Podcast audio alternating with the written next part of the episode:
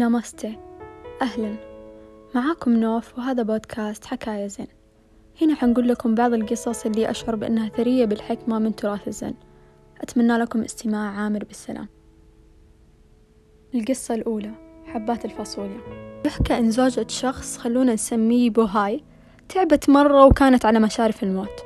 ومن وصاياها الأخيرة لزوجها إنه ما يتزوج غيرها ويبقي حبهم أبدي لما يموت. وهددته إن فعلها وراح خانها حترجع كشبح يطاردوا البقية عمره. وبعد عدة سنوات من موتها انتاب الرجل شعور الوحدة. حاول يقاوم ويتجنب الكل لكن بالنهاية هو كائن اجتماعي. حدث ما لم يكن في الحسبان ووجد واحدة ما قدر يبعد عنها بعد كم شهر انخطبوا. ومن ثاني ليلة بدأ يزور شبح زوجته السابقة. قعدت تردد له كل حرف دار بينه وبين خطيبته الجديدة عشان تثبت لهم إنها شاهدة على كل شيء. انزعج صديقنا للغاية ونسى كيف ينام وبسبب اليأس. قرر يروح يطلب النصيحة من معلم زن في القرية المجاورة. يا له من شبح ذكي قال المعلم البوهاي بعد ما حكاله القصة. وصرخ بوهاي جدا. قدرت تعرف كل شيء عني وعن خطيبتي كأنها كانت حاضرة. المعلم ابتسم وقال له عن حاجة معينة مضمون نجاحها يسويها لما يزور الشبح مجددا. رجع الرجال بيته متحمس لتطبيق الحيلة. انتظر لين ما جاء الشبح ورد عليه بنفس الكلمات اللي أخذها من المعلم. أنت شبح ذكي للغاية. على ما يبدو ما أقدر أخفي عليك أي حاجة. إذا تقدر تجاوبني على سؤال واحد فقط حقطع صلتي بخطيبتي وحستمر في وحدتي لبقية حياتي.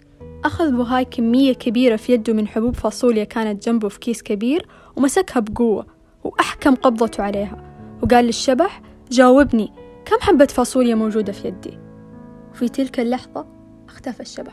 هذه القصة من قصصي المفضلة. لم يتضح لكم المعنى فلا بأس حشرح لكم. لما بوهاي أخذ كمية كبيرة من حبوب الفاصوليا هو ما كان عارف كم العدد الموجود في قبضة يده. بما أنه ما عرف الشبح ما عرف. هذا معناه أنه الشبح نابع منه. هو مبسوط يعتقد أن المعلم ساعده يحتال على الشبح إنما المعلم يحتال على خوفه على عقله اللاواعي. كلنا بنمر في مواقف بتخوفنا. تملينا رعب بل وحتى قادرة إنها تسحبنا من مسببات سعادتنا وترمينا في دوائر حيرة وحزن. ما حنقدر نتجاوز الإحساس بالخوف والتعلق بالماضي والعار إذا ما استوعبنا إنهم ناتجين من جواتنا ولنا قدرة وتحكم عليهم. من الواجب أن نعي ذلك جيدا كي نتحرر. إن أردت التخلص من أشباحك ابدأ بطرح الأسئلة المناسبة وحتتجلى الإجابات.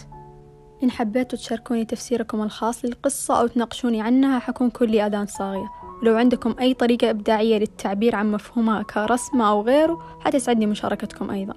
شكرا لاستماعكم أتمنى لكم يوم بديع.